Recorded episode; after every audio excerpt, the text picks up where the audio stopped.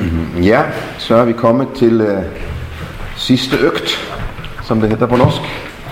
Øhm, jeg øh, har jo mye jobb, øh, mest i Danmark, men også en del i Norge og Sverige, med foredrag af denne slags, som vi også har været sammen om her. Og jeg er vældig vant til, når jeg skal sige noget om øh, disse temaer, om, om opdragelse og oplæring, at så er det øh, vældig vigtigt for de, som giver mig i opdraget, at sige, at det skal ikke være for principielt. Det skal være vældig mye sådan hands-on, som det hedder på godt dansk. Vældig sådan praktisk og, og vældig mye hands-on. Så det var lidt en udfordring for mig, og en god udfordring, at øh, her fra FBB, der var ordren, at jeg nær sagt modsat. Det må, det må være principielt. Og jeg fik så i samarbejde med Bojo lidt ind også om praksis, øh, og sådan den der hverdag, som også øh, det, det handler om øh, her i det sidste, øh, den sidste øgt. Øh, men det har været godt for mig på ny ligesom at arbejde lidt øh, med, med de principielle ting, som vi har været samlet om fortrinsvis øh, i de to første foredrag. Og jeg har så valgt nu i, i tredje omgang her at lade det blive lidt øh, nogle tre skitser, jeg gerne vil præsentere jer for, som for mig øh, er gode at tænke ud fra. Og så har jeg så udvalgt tre cases øh, fra det praktiske øh, liv med barn. Jeg vil gerne forsøge at sige lidt om barn og media, barn og sorg og barn og seksualitet. Tre temaer, som, øh, som vi alle bliver nødt til at forholde os til, når vi har med barn at gøre. Og det er godt at se, at der er enkelte praktiserende forældre her. Øh, så jeg kommer nok at rette mest øh, til jer, og om så øh, I, som er bedsteforældre, kan omsætte det til, øh, til bedsteforældreniveau eller på anden vis, det, øh, det håber jeg. Øhm, jeg har også lyst lige til at nævne indledningsvis, at øh, Kristen Pædagogisk Institut, hvor jeg er ansat, har en hjemmeside, som øh, hvis adresse står der, og der kan I finde en del øh, sådan øh, ressourcer. Uh, vi var lidt inde i går på dette med barnetro og voksentro. Det har jeg skrevet et lille hæfte om, som er udsolgt for længst. Men det ligger i pdf-udgave på, på kristenpædagogisk uh, øh, hjemmeside der.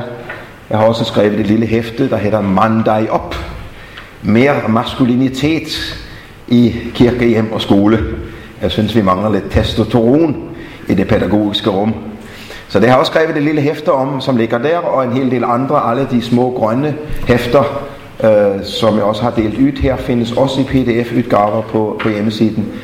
Øh, og en række artikler, øh, som øh, man kan bruge både principielt og praktisk. Så om I tænker, at I ville gå lidt videre øh, i de ting, vi har været samlet om, så findes der altså en del øh, ting på kpi.dk. Ja, lad os samle os i bøn endnu en gang. Hvor gode Gud og far i himlen, vi takker dig for at du har givet os denne skønne, men også vanskelige opgave med at oplære og opdrage børn. Vi føler os små og ydmyge over for det, og vi har også mange synder at bekende i den anledning. Men jeg beder om, at vi grundlæggende må eje frimodigheden, fordi du vil børn, og du vil, at vi skal sætte børn i verden, for at oplære dem i den kristne tro og for at opdrage dem til et liv i denne her verden og med henblik på evigheden. Så giv os din nåde og dit lys og din hjælp og din tilgivelse og din frimodighed til at gøre det i praksis. Og hjælp os, at det vi er sammen om i de her dage, bliver en lille hjælp til det. Amen. Jeg har lyst til at lægge ud med tre små modeller. Jeg, jeg har det mye sådan, at jeg, jeg, jeg tænker bedst, når jeg, når jeg sådan også tegner lidt til. Og det er sådan øh, lidt ubehjælpeligt, øh, men jeg har haft en vis erfaring for, at andre også kan øh, se sig selv ind i, i modeller. Og modeller er gode, bare man ikke sådan øh, detaljanalyserer på dem. Øh, de har et point, og det er det point, man skal tage med, og så øh, ellers lader det ikke. Den første model er for mig fuldstændig fundamental for al øh, liv sammen med barn, øh, og al øh, oplæring i forhold til barn, det er det, jeg kalder den ligeværdige asymmetri, som I ser forsøgt illustreret der. En asymmetri er jo kendetegnet ved, at der er Øh, det er ikke en ellipse, som er lige stor i begge ender. Øh, det er en, en øh, skæv fordeling, hvor den tunge ende ligger til venstre, og den lidt tyndere ende til højre. Og det er for mig en fundamental model for det, som er vort øh, kald og vort opgave i forhold til børn. Vi har den tunge ende. Vi har ansvaret. Om I vil bruge et lidt stærkt ord, vi har magten. Ja, lad os bare bruge det ord. For der er magt i det pædagogiske rum. Og var der ikke magt, så var det slet ikke noget pædagogisk rum. Men netop derfor er det så vældig vigtigt at, at administrere den magt, eller den autoritet, eller den tyngde i opdragelsens rum, som er vor. Og altså, som vi så på i det første foredrag, afvikle vor egen autoritet frem imod det, som skal blive uh, slutpunktet, nemlig ikke en asymmetri, men en symmetri mellem barn og voksen, når barnet bliver moden og voksne selv. Selvom man kan måske spørge, om vi nogensinde i vores liv lever i totale symmetrier. Selv i situationen, hvor min fru og jeg sætter i hjørnet af sofaen og koser os, og tænker, nu er vi jo helt symmetriske, så er der jo alligevel lidt magt. til hendes side eller til min side. Der findes vel aldrig totalt symmetriske øh, rum. Men nu vel, øh, når det er sagt, så er der alligevel en vældig voldsom vigtig udvikling. Øh, med små barn er tyngden vældig stor på os, og som barnet så vokser og nærmer sig modenhedsalderen, så bliver det altså tilnærmet en symmetri. Men det som for mig så også var lidt nyt i forbindelse med forberedelsen til dette foredrag, var at se på, at dette er jo egentlig bare en miniatyr er det, som øh, gælder på en, en langt mere fuldkommen måde, og en langt mere, øh, også på en anderledes måde, øh, mellem Gud og os.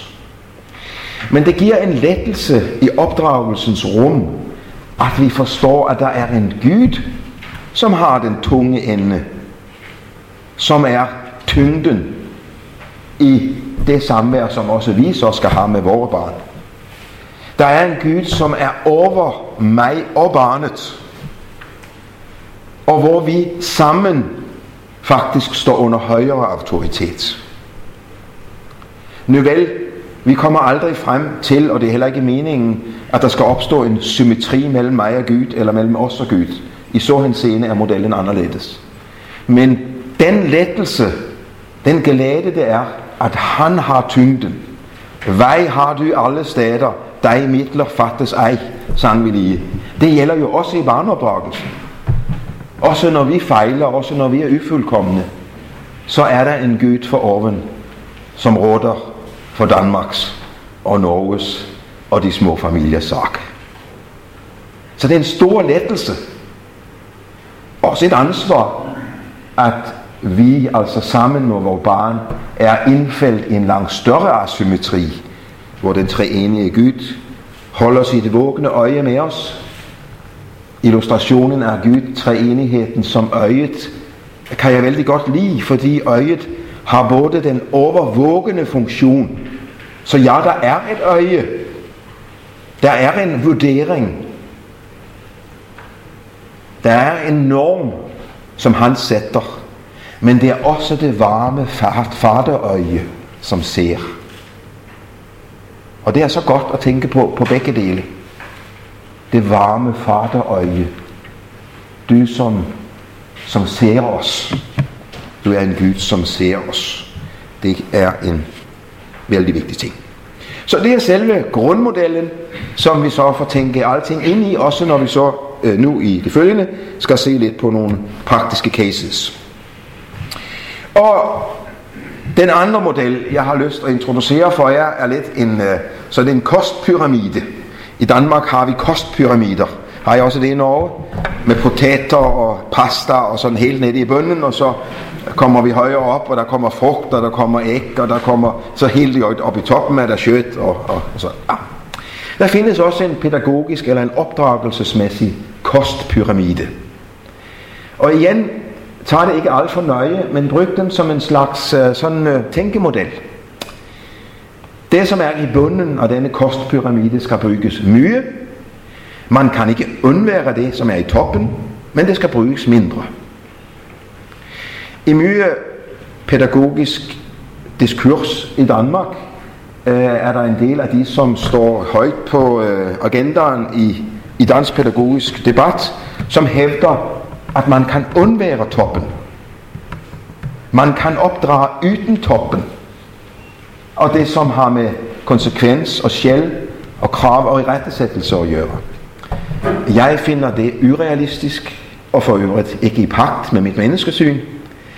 Øh, jeg ønsker en mere realistisk øh, model for dette, og jeg tænker, at de, som forsøger at bilde forældre ind, at man kan klare sig uden toppen, de skaber en permanent dårlig samvittighed hos mange forældre.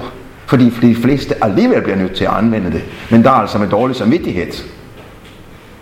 Skulle vi ikke hellere være realister og sige, at uh, sådan som vi mennesker er skruet sammen, og det er jo både os voksne og barnet, så bliver det den totalitet, øh, vi får se os ind i. Og igen, netop fordi vi har den tunge ende, så har vi et særligt ansvar for at forvalte dette med respekt, med kærlighed og med sundhed. I bunden ligger opmærksomhed, involvering, opmundring, samtale, mye af det, som vi også i går omkring oplæringen nævnte som det levede liv. Den praksis, vi har med hverandre. Og der opstår et problem, hvis vi ikke har nok praksis sammen med barnet. Det er det, som kan ske i nogle familier. For eksempel, hvor det er mamma, som har næsten al praksisen, men pappa har så at sige ingen praksis sammen med barnet. Sådan kan det blive nogle gange, og sådan må det blive. Der er andre kald i det her liv. Men man skal bare være realist og forstå, at om man som pappa eller som mamma ikke har mye hverdagsliv sammen med børn, så er man ikke involveret i basis særlig mye her. Og så kan der blive vanskeligheder af det, som kommer over, oven over. Og derfor får vi alle stille os det spørgsmål øh, som ægtepar, øh, specielt mens børnene er små, hvor mye tid må vi sætte af til dette? Og hvad må vike? For noget må vike, fordi vi fik barn.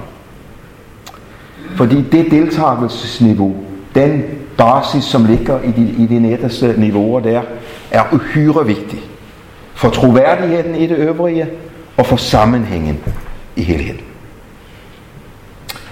Rammer og regler og rutiner var vi lidt inde på i oplæringen i går, men gælder altså også opdragelsen generelt. Tænk på, hvordan mange af os er dybt afhængige af rutiner om morgenen. Jeg ved ikke, hvordan I har det, men jeg spekulerer ikke hver morgen først på, om jeg skal barbere mig eller vaske mig. Altid barbering først, og så vask bagefter. Og det er vældig hensigtsmæssigt. Tænk om jeg hver morgen, når jeg vågnede op, skulle tage en overvejelse. Drøfte med, med min kone. Skal vi nu gøre det i den rækkefølge eller den rækkefølge? Det er så nyttigt at have mange rutiner, hvor, folk, hvor det ligger bare på rygmarven. Sådan gør vi. Og I gør barn en stor tjeneste. Om I indarbejder gode rutiner, gode traditioner. Og det kræver lidt undervidt. Ja, sådan lidt, du ved. Ja, vi vil det. Og nogen har mere det en forvejen end andre, men alle får vi øve os lidt på det. Hjemme hos os har vi haft fast rutine med, at barnen skulle hjælpe med det praktiske arbejde fra de var cirka 5 år. Og ja vel, det koster lidt at øh, indarbejde tømning af opvaskemaskine, vask af toilet og så videre. Jeg mener, det er vældig vigtigt, især for, for drenge, at lære at vaske av et WC. Det er de, som sviner det mest til. Så de skal også lære at vaske af. Og det kan man gerne lære som 5-6-åring, at vaske toiletter. Men det kræver lidt. Det vil vi. Disse rutiner, og jeg ved af egen erfaring, at nogen af mine barn var vældig hurtige til at lære det, og andre måtte jeg kæmpe og kæmpe og kæmpe. Men så god kamp. Det får man ikke barnepenge i Norge. Sådan øh, øh, penge fra, fra starten, det får vi i Danmark. Får man ikke barnepenge i Norge? Nej. Okay, så tænker I får barnepengene for det. Og indarbejde den slags rutiner. Um, så er det vældig vigtigt at uh, have en omgang med barn med rus. Det må ikke bæres af rus. Barn må ikke have en oplevelse af, at det grundlæggende, det handler om, at jeg, jeg bliver holdt af, fordi jeg gør noget, eller undlader at gøre noget forkert. Jeg ved godt, at ingen af os kan praktisere ubetinget kærlighed. Bare en i denne tilværelse kender til ubetinget kærlighed. Men alligevel, her er det vældig vigtigt, at vi ikke baserer vores, vores øh, samliv med børnene på rus og på ris, og på at jeg kun holder af dig, når du er snill, og når du kan spille så fint trompet, som jeg tænkte, du skulle. Øh, men derfor betyder det altså alligevel mye med rus, med at blive set, og at man som forældre også våger at udfordre barnet lidt. Jeg synes, der er for mange barn i Danmark, som til eksempel kommer med en tegning, de har lavet med fire-fem streger på, og kommer til pappa og mamma og siger, se en fin tegning, jeg har lavet. Åh, pappa og mamma falder til jorden, eller tante og onkel, og den må op og hænge på køleskabet. Hvorfor det?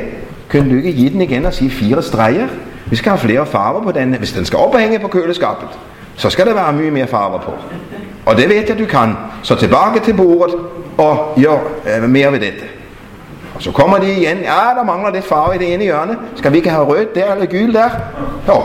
Og så efter tredje runde, så op på køleskabet.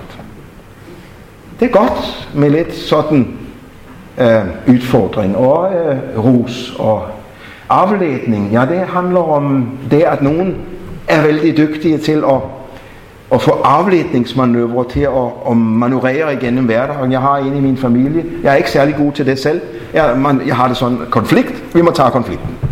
Men hun er fantastisk, så når og får ting mingeleret, så tager hun saks og farver frem, og pyst, så er konflikten væk på et øjeblik. Jeg synes, det er lidt let, letvindt, klart, men øh, okay, hvis det fungerer, så hvorfor ikke? Men der bliver altså også på toppen af pyramiden her behov for formaning, advarsel, påtale. Man kan sige verbale krav og verbale øh, forhold mellem barnet og os. Øh, det bliver også nødvendigt i forbindelse med normale barn, og alle barn øh, har øh, behov for også krav og i rettesættelse, og også indimellem en konsekvens. Jeg bryder mig ikke så mye jeg kan godt bruge ordet straf i denne sammenhæng, men det skal, være, det skal være helst være en straf og en konsekvens, som ligger i umiddelbar forlængelse af det, som, som var gjort forkert. Altså til eksempel om, om pojken, om gutten på fem år har det ramt mye ved siden af toilettet, øh, der kommer han til at vaske efter sig. Der er der ligesom sammenhæng i det, som øh, serveres af konsekvens, og så det han har gjort, eller andre ting. Men øh, det bliver nødvendigt i en verden, hvor vi er faldende, at øh, uh, skælde ud indimellem og gøre det ordentligt. Ikke i sinde, men uh, i ordentlighed og i respekt, og så også uh, konsekvens eller straf. Det er for mig at se en realistisk model i forhold til barneopdragelse. Og den sidste model, jeg lige tager med her, den er sådan lidt ekstra, for den står ikke på jeres papir, så hvis I synes, den er værd at, at bruge, så må I tegne den selv, så bliver der lidt aktivitet her undervejs. Uh, jeg kom til at tænke på den, fordi vi pratede lidt om, om lydighed og selvstændighed forleden dag. Og uh, den har været lidt en hjælp for mig til at forstå, hvad det egentlig er med forholdet mellem lydighed og selvstændighed. Modellen skal forstås på den måde, at når barnet fødes, så er der vældig mye selvstændighed og ikke mye lydighed. Altså man kan ikke sige til et barn på tre uger, hold op og skrik! Du skal være lydig, det står i Bibelen. Det hjælper ikke. Men aldrig så snart er barnet født, så er det faktisk meningen, at det skal lære lydighed. Frem imod et punkt, som ligger omkring 3, 4, 5, 6 års alderen. Oftest der omkring den første trotsalder. Der topper lydighedsdimensionen og selvstændighedsdimensionen er mindre. Men fra der er det faktisk så meningen, at lydighedsdimensionen aftager, og det går ikke jævnt, kan I se. Det går vældig ujævnt nedover. Men meningen er altså frem imod personlig myndighed, at lydighedsdimensionen er næsten afskaffet, og selvstændigheden øh, på det psykologiske plan øh, større. Jeg tegner ikke den model helt nede i hjørnet over til højre, og det har med en personlig erfaring at gøre som jeg sagde før, om om vi nogensinde er i helt symmetriske forhold til hverandre. Jeg ved det ikke. Men der ligger en personlig erfaring bag den der øh, illustration. Jeg var hos min pappa og mamma. De er døde nu begge to, men, men vi var hjemme en gang. Og min pappa var sådan en vældig, øh, han var vældig sådan ordentlig mand. Og vi vidste altid, hvor vi havde ham, og det betød også, at var der noget, som skulle prates om, så blev der pratet om det. Og der var en situation, hvor han ikke mente, at jeg havde gjort, gjort det ret over for min gutt tidligere på dagen. Og jeg så der under poteterne og kyllingen, som vi satt og spiste, hvordan han, ja, man kender jo sin pappa, eh, hvordan der var et eller andet, som var helt galt. Så der var færdig med, med poteterne og kyllingen, så sa pappa, Karsten, vi skal ind på mit kontor, der er en ting, jeg må tale med dig om. og der stod jeg, jeg husker, hvordan lyset faldt ind af vinduet. Og der var det den lille gut Karsten, som stod overfor pappa igen. Han øh, gjorde det ordentligt og respektfuldt, ja vel. Men der opfattede jeg alligevel, der var, der var startet et eller andet mellem han og mig, som gjorde, at vi kan ikke tegne den helt ned i hjørnet. Der bliver også i realistisk set i mellem os mennesker øh, forhold, som, som har med magt at gøre, også selvom vi er voksne. Men den model er altså øh, tænkt som en hjælp til ligesom at forstå, at der, der er de første år et tænkeligt tungt job med at oparbejde denne lydighedsdimension, som også ligger i det fjerde byt. Øh, men det er altså også vigtigt, fordi det også ligger i den, i den, i den, i den bibelske åbenbaring, en selvstændighedsudvikling, som derpå øh, skal forløbe frem imod øh, et punkt, hvor i hvert fald lydigheden er ganske lille og selvstændigheden stor, psykologisk set. Ja, så er det, jeg har lyst nu, øh, sådan vældig lavpraktisk, at tage tre cases, og I får ikke tage det mere end det er. Øhm, bare nogle enkelte momenter. Min bog øh, om tid til barn rummer øh, en lang række af disse cases, øh, og her vælger jeg altså at se lidt på barn og media, et forhold, som vi er nødt til at tage øh, højde for og, og, øh, og hjælpe hverandre med i vores tid. Lidt om børn og sorg, og lidt om børn og seksualitet. I forhold til hele mediepåvirkningen og mediedominansen, kan vi vel sige, i vores samfund, bare de sidste 20 år er der jo sket ufattelig mye på dette felt. Øhm, Altså, tænk, det, det er bare 20 år siden, vi, vi, vi opfandt internettet. Ingen af os var på internettet for 20 år siden. Ah, 25. Men det er kort tid. Og nu er det så dominant. Ikke bare som et sted, hvor man går hen og henter nogle oplysninger, men hvor man har sociale fora, og hvor børn er voldsomt tiltrukket af hele det liv, som leves digitalt. Vi er nødt til at gå ind på dette punkt. Jeg tænker, der kan være to sådan egentlig forholdsvis lette veje. Den ene vej var, om vi tænkte, vi, vi, vi, vi forbyder simpelthen alt det der elektronik. Vi vil ikke have det inden for hjemmets grænser. Nogle ganske, ganske få praktiserer en så øh, restriktiv kurs. Og den har visse fordele. Der er mange ting, som, øh, som giver sig selv også positivt, om man, om man mere eller mindre vælger den vej. Jeg ser dog flere, som vælger den modsatte lette vej. Nemlig at sige, vi lukker ladeporten op for alt. Det er simpelthen så umuligt at manøvrere i dette felt, så vi, vi orker det ikke. Jeg læser artikler igen og igen i, norske, i, i danske medier, øh, hvor, hvor pappa og mamma råber ud deres nød. Jeg kan ikke magte det. Vi, vi må, ja, jeg magter ikke at sætte grænser for det, så, så, så vi lukker bare op. På sæt og vis er de to veje lette. Enten at forbyde alt, eller lukke alt ind. Jeg personligt, men det er altså også en personlig vurdering, ikke et så siger herren, men jeg har en personlig vurdering, som går på, at det er i de fleste tilfælde bedre at lukke op, men også sætte grænser. Og dermed også give mulighed for at lære barnen at få installeret deres eget filter. For om man fuldstændig har lukket det ude, og de bliver 18 år, så finder ud af, at der findes noget, som hedder internettet, så har de jo ikke fået redskaber til den trafik, som er det sted. Så min policy på dette felt, og det har det også været i vores hjem, har været, at vi har fjernsyn, vi har haft øh, også, da det kom til det, internet, Øh, vi har set film i vort øh, hjem, og øh, mit point har så været især mit. Min barn øh, klandrer mig lidt for det nu, efter de er blevet voksne. Synes jeg var for striks, javel, men øh, det kan også være, at jeg har været det. Men de har i hvert fald lært, at der er en knap, man kan trykke sluk på. For den har jeg nogle gange fordret, der skulle slukkes på. Og jeg har fordret, at der var kun var en vis antal minutter, der blev brugt, til eksempel på spil og den slags ting. For det er også godt at komme ud og røre sig lidt. Og for øvrigt er det vældig kreativt indimellem at sjætte sig lidt. Børn har ofte sådan et super argument. Ja, men vi sjætter os. Ja, og så er det livsfarligt at sjætte sig. Det var cirka 12,5 minut. Så finder man på et eller andet, så man sørger for, at man ikke sjætter sig så mye længere.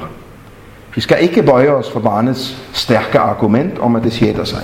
Ja, og hvad så? Øh, men det betyder altså for mig at se, at vi må gå ind øh, på, på forholdsvis stærk vis øh, og, øh, og vejlede og hjælpe og være nær vores barn i dette univers. Og det kræver tid. Det kræver tid. Du kan ikke sidde der på afstand og, og have dine meninger. Du er nødt til at undersøge de spil, som, som gytten gerne vil spille. Du er nødt til at se en film sammen med din, din halvstore jente og, og vurdere.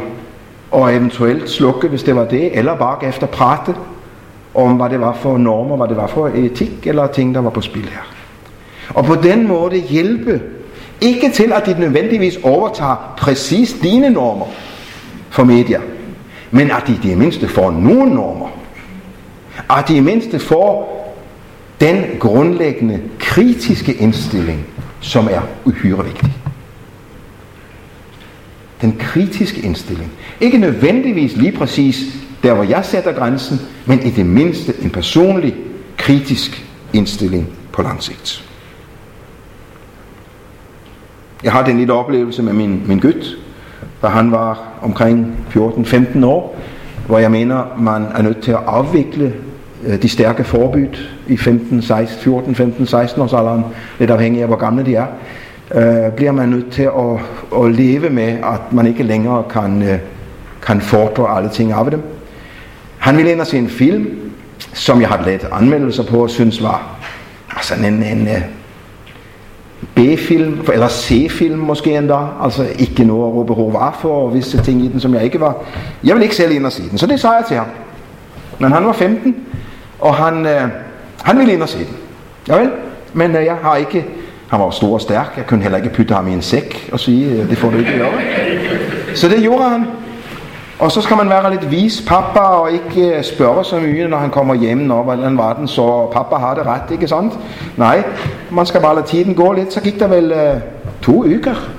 Så gik vi forbi hverandre ude på gangen i huset, så sagde han bare sådan lige, og ah, pappa, det var forresten ikke nogen god film, den der. Og der er det meget vigtigt, at man ikke hoverer. Men bare noterer i sin lille lommebog, 1-0 til mig.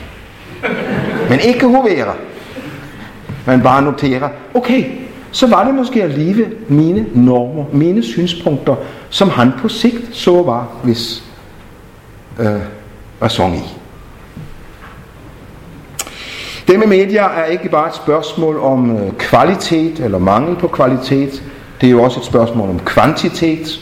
Hvor mye tid skal man bruge på dette? Og her er en reel udfordring. Øh, jeg ved godt, at mange spil og, og en del af øh, trafikken på, på de øh, elektroniske medier har også en social dimension. Det skal vi, øh, nogle af os halvgamle tænker, det er altid sådan bare én person og så et spil. Og det er faktisk, jeg har set øh, min gut har vældig mye socialt sammen med en anden, når de spillede FIFA-spil øh, på computeren for eksempel. Så der er kvaliteter i dette. Øh, det, det, det, det, det er der bare. Men barn har brug for, fordi det skønner de ikke altid selv, hvor mye tid det er rimeligt at bruge på dette. Og også her er det ikke afgørende, at jeg installerer et bestemt antal minutter i dem, men at de får med sig ud i livet. Vi bruger begrænset tid på medier. Det er vigtigere og møde mennesker i kjøtt og blod, end at være på sociale fora, hvor man nogle gange ikke engang rigtig ved, hvem man korresponderer med. Og nogle familier har decideret sådan tidsklippekort.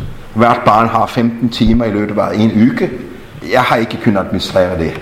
Og vi har ikke stemplemaskiner og sådan hjemme hos os. Men, men hvordan man nu administrerer det, får man selv finde ud af. Det må man tage en prat med, med, med fruen eller, eller manden om og finde en vej. Men jeg tænker i hvert fald over for nogle barn, og især gutter, øh, kan det blive nødvendigt at lave tidsbegrænsninger.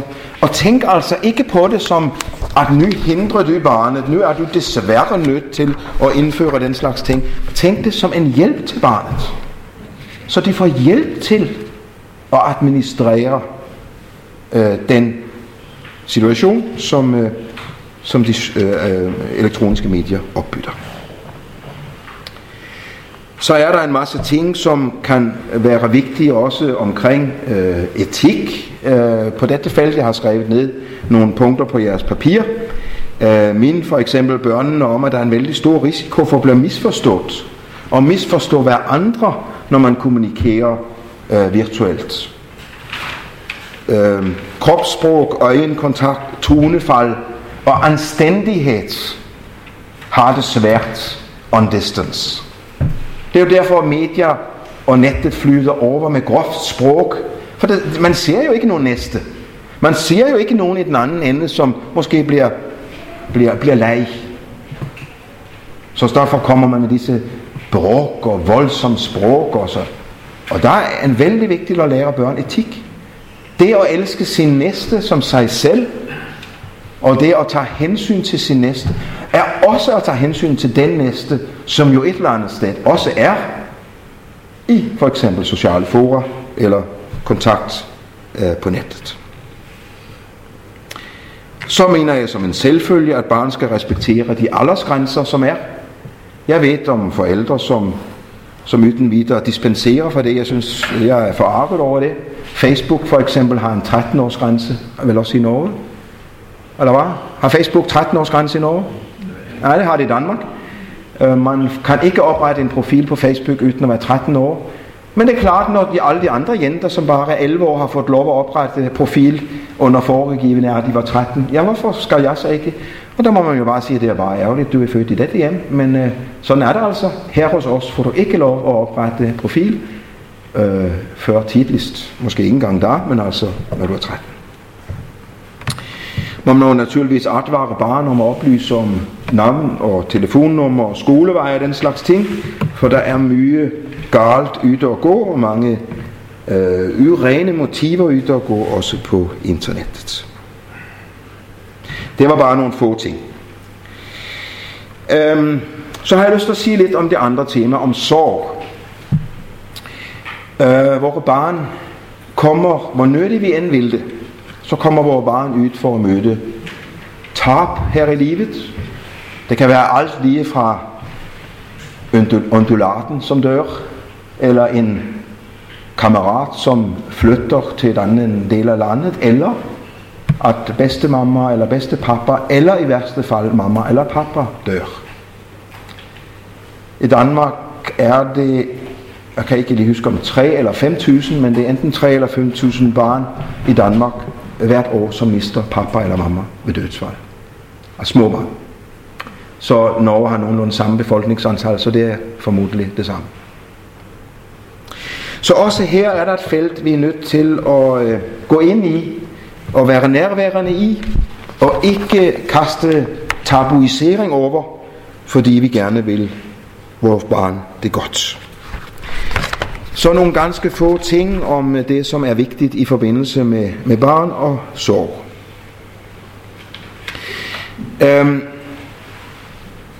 det værste, som egentlig kan ske for barn, når en eller anden sorg rammer dem, er, at vi som voksne ikke våger, eller ikke magter, eller ikke vil, eller ikke kan øh, gå ind i det rum sammen med barnet. For så får barnet faktisk to problemer. Det får både det problem, som selve sorgen udløser, tabe, af et eller andet. Man skal selvfølgelig lære barnet at sjældne mellem at undulaten er død og, og, og farfar er død. Det, det er to forskellige kategorier. Sorg kan det være i begge tilfælde, men, men, men det er veldig vigtigt at lære barnet også forskel på øh, dimensionerne her. Men altså det vigtige er, at barnet ikke får to problemer, både selve sorgen og så det forhold, at de voksne, som jeg kender, ikke magter at være nær mig i den situation. Ikke har sprog for dette fænomen. For her, når vi har med lidelsesproblemer at gøre, og det er jo det, vi prater om, så handler det ikke om at have løsninger. For hvem af os har løsninger på lidelsens problem? Men det handler om at have et vist sprog for det. Og problemet er jo det, at om ikke vi selv har sprog for sorg, så kan vi heller ikke tilbyde sprog til vores barn.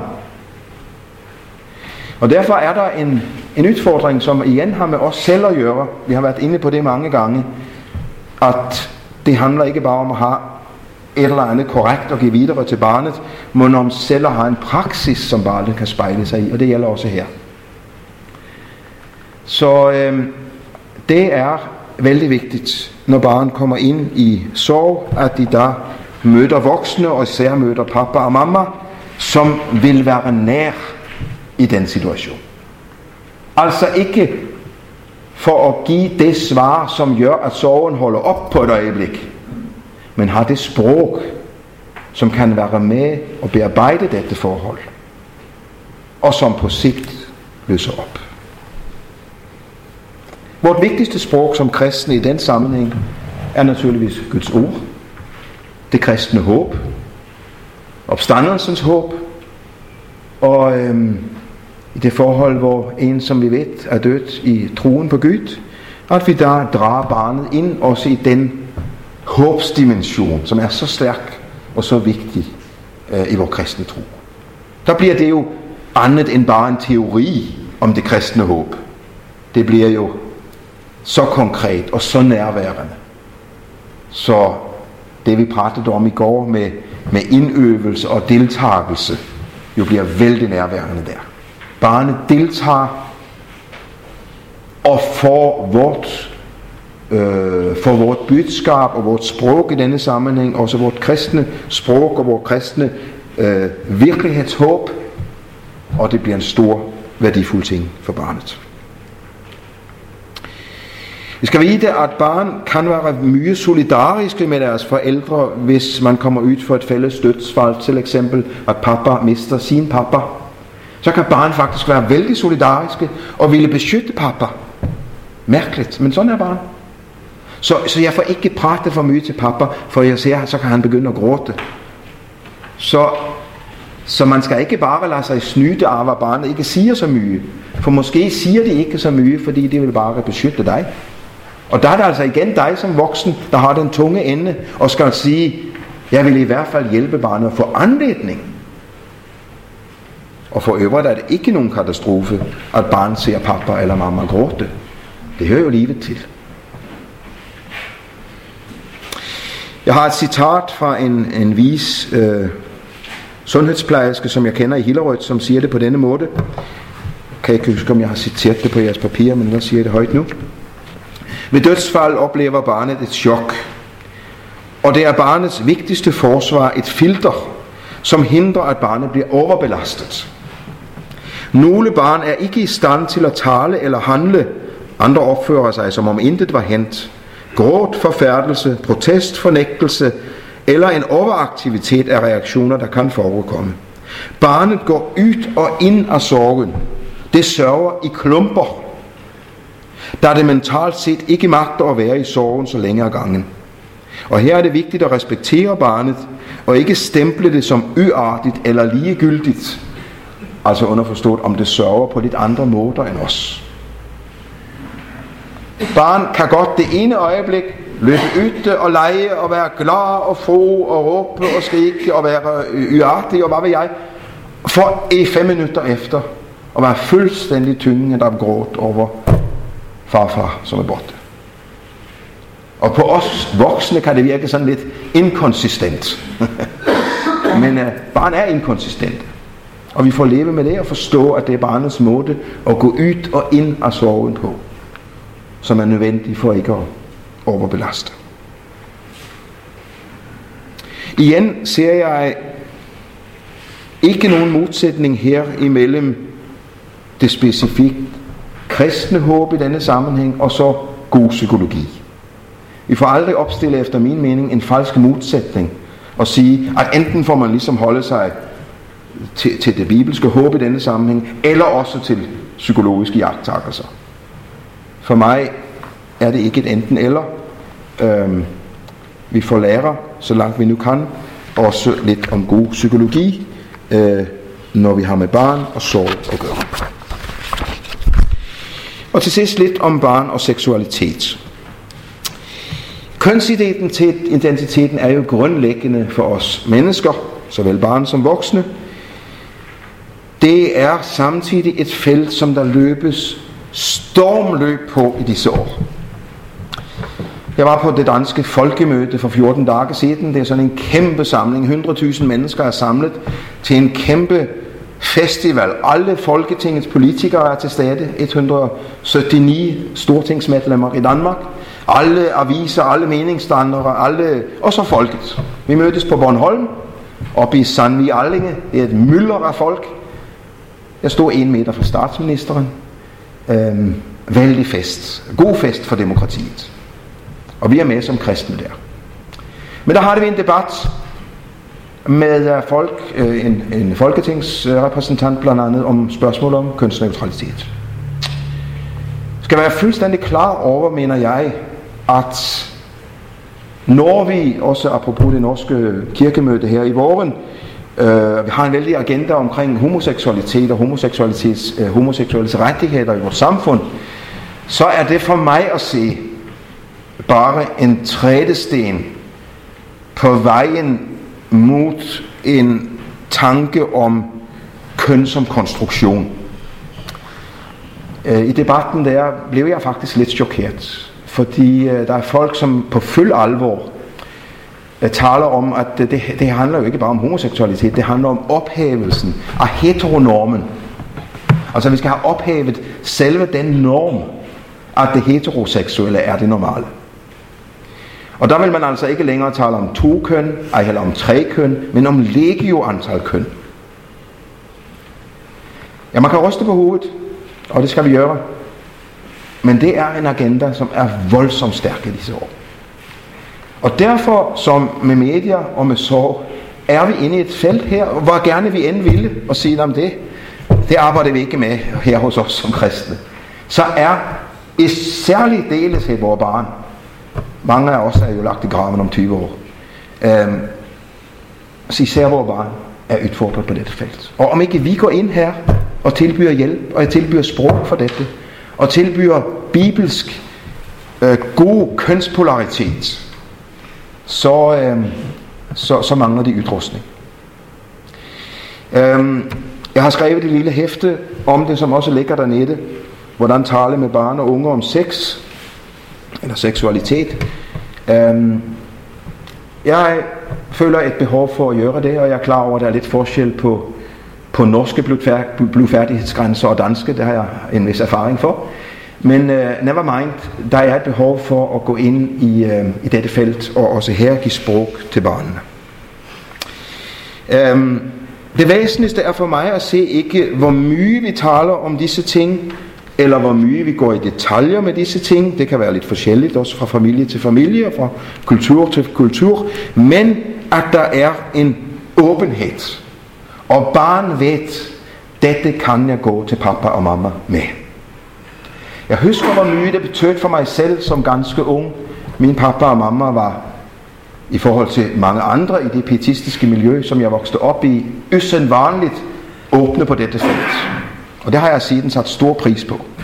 Men jeg husker, hvor mye det betød for mig, at min pappa og mamma markerte, Karsten, du må komme, om der er ting på dette felt. Og de sagde ting til mig. Min mamma var oversygeplejerske, så hun vidste godt, hvordan anatomien var.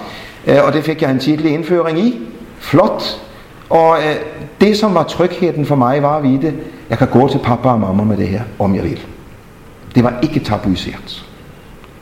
Jeg har oplevet for mange barn og unge, også i kristne miljøer, for hvem det var for tabuiseret. Sund blodfærdighed, det må der være. Men tabuisering, hvor barn ikke magter, ikke orker, ikke vil eller ikke tør øh, prate om disse ting, som man for eksempel møder i skolen, som man for eksempel møder på nettet. Om ikke de har os at tale med, så får de deres information andre steder. Ringere steder. Så mit point i denne sammenhæng er ikke mængden af detaljer og præcis hvordan det gøres, men at vi hjælper vores barn ind i en sund blodfærdighed på dette felt og en sund åbenhed. Og barn er som regel modne til at få svar, når de spørger. Og vi kan godt græmme os over, at børn spørger så tit, som de gør. Vi kunne godt ønske, at de spurgte langt senere i deres liv. Men det kan vi jo ikke styre med. Og der kan det altså ikke nytte noget, at man kommer til en sygeåring, som kommer med et spørgsmål af seksuel art, og så siger, nej, det kan jeg først svare på, når du er 13. Selvom vi tænkte, det var mest naturligt at vente til de var 13. Han har problemet som sygeåring. Han har spørgsmålet. Selvfølgelig skal jeg ikke give det samme svar og ikke sige nøjagtigt det samme til en syvåring som til en 13-åring. Men når børn spørger, så er det som regel modne til svar, og der får vi give det bedste svar, øh, vi kan. Og jeg forsøger altså lidt i dette lille hæfte at give nogle idéer og nogle øh, tanker til de forskellige aldersgrupper. Jeg har simpelthen en aldersgruppering helt fra 0 år op til 18 års alderen med nogle forslag til, hvordan øh, vi kan tale om disse ting. Øhm, jeg tror, det er en vældig vigtig ting, at vi overordnet set får den agenda på det her spørgsmål, at Gud vil os det godt med seksuallivet inden for ægteskabets ramme. At vi ikke primært i børnenes øje bliver nej-sigere. Så siger vi nej til det, og vi siger nej til det, og vi siger nej til det. Nej, grundlæggende siger vi ja til den gode kønspolaritet, som en unik del af Guds skaberværk, og som han har sat sin ramme for i det hellige ægteskab. Den glæde, den begejstring, den øh, stolthed øh, ved den kristne seksualitet for vores børn mødte hos os. Og den møder altså vi kun, den møder vi kun, om vi har et vist sprog for det, og ikke bare tabuiseringens øh, tavshed. Så det var mine ord øh, på dette sidste foredrag. Lidt øh, modelværk til at begynde med, og så tre cases. Vi kunne have taget mange andre cases op, men øh, det var disse, jeg valgte. Og vi øh, skal have en lille spørgerunde, som vi plejer. Ja, øh, men jeg er slik, at også har et besøg der skal ha et lille indlæg inden kaffen.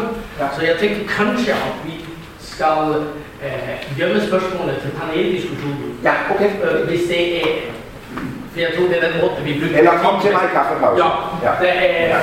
godt med de her vældig konkrete og praktiske sider, og det var jo teoretisk, og det er sikkert mange spørgsmål, der dukker op. Men for at bruge tiden, så tror jeg, vi må henlægge spørgsmål til øh, panelet. Okay.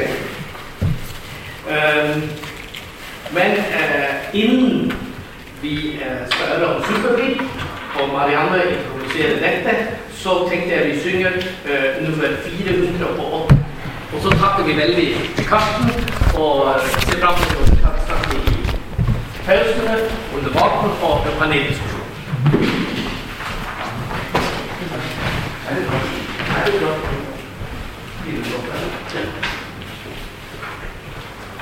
408.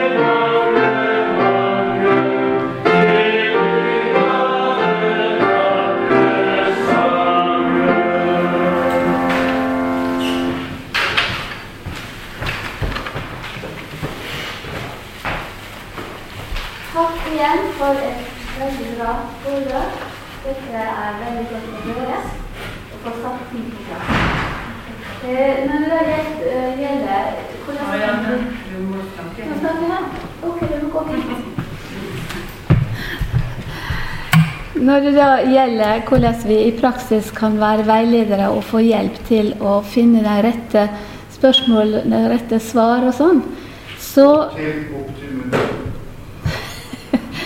ja.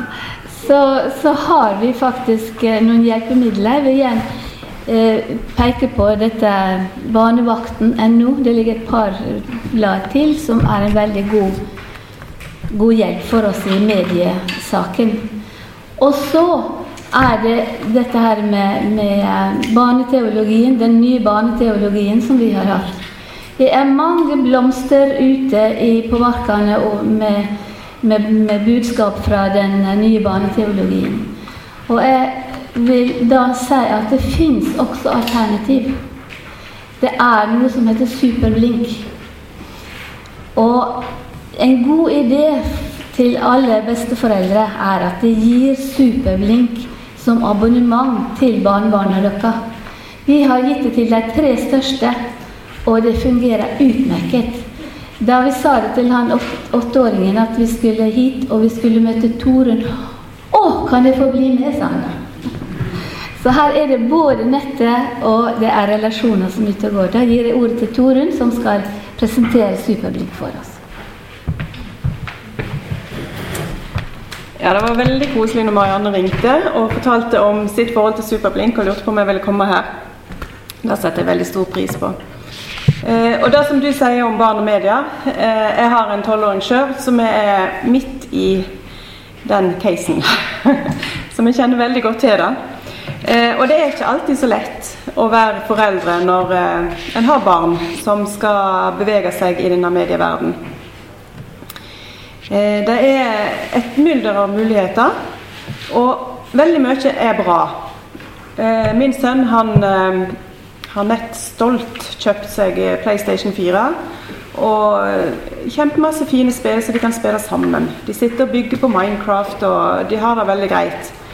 Eh, men samtidig så vet vi at det er veldig mye på media som barna kan komme borti, som ikke er noe greit. Um, og selv om ting er bra og der kan eh, udvikle de eh, positivt, så er det i hvert fall ikke veldig mange ting på nett som viser de hvem Jesus er. Eh, og det er det med i Superblink ønske. Gjennom eh, denne medieklubben så får de trosopplæring rett hjem. De får det via nettet, og så får de det via se, finne bladet her. Klubbavisen. Det er den som tidligere, når jeg var liten, så het det Blåveisen. Vet ikke om dere kjenner til det.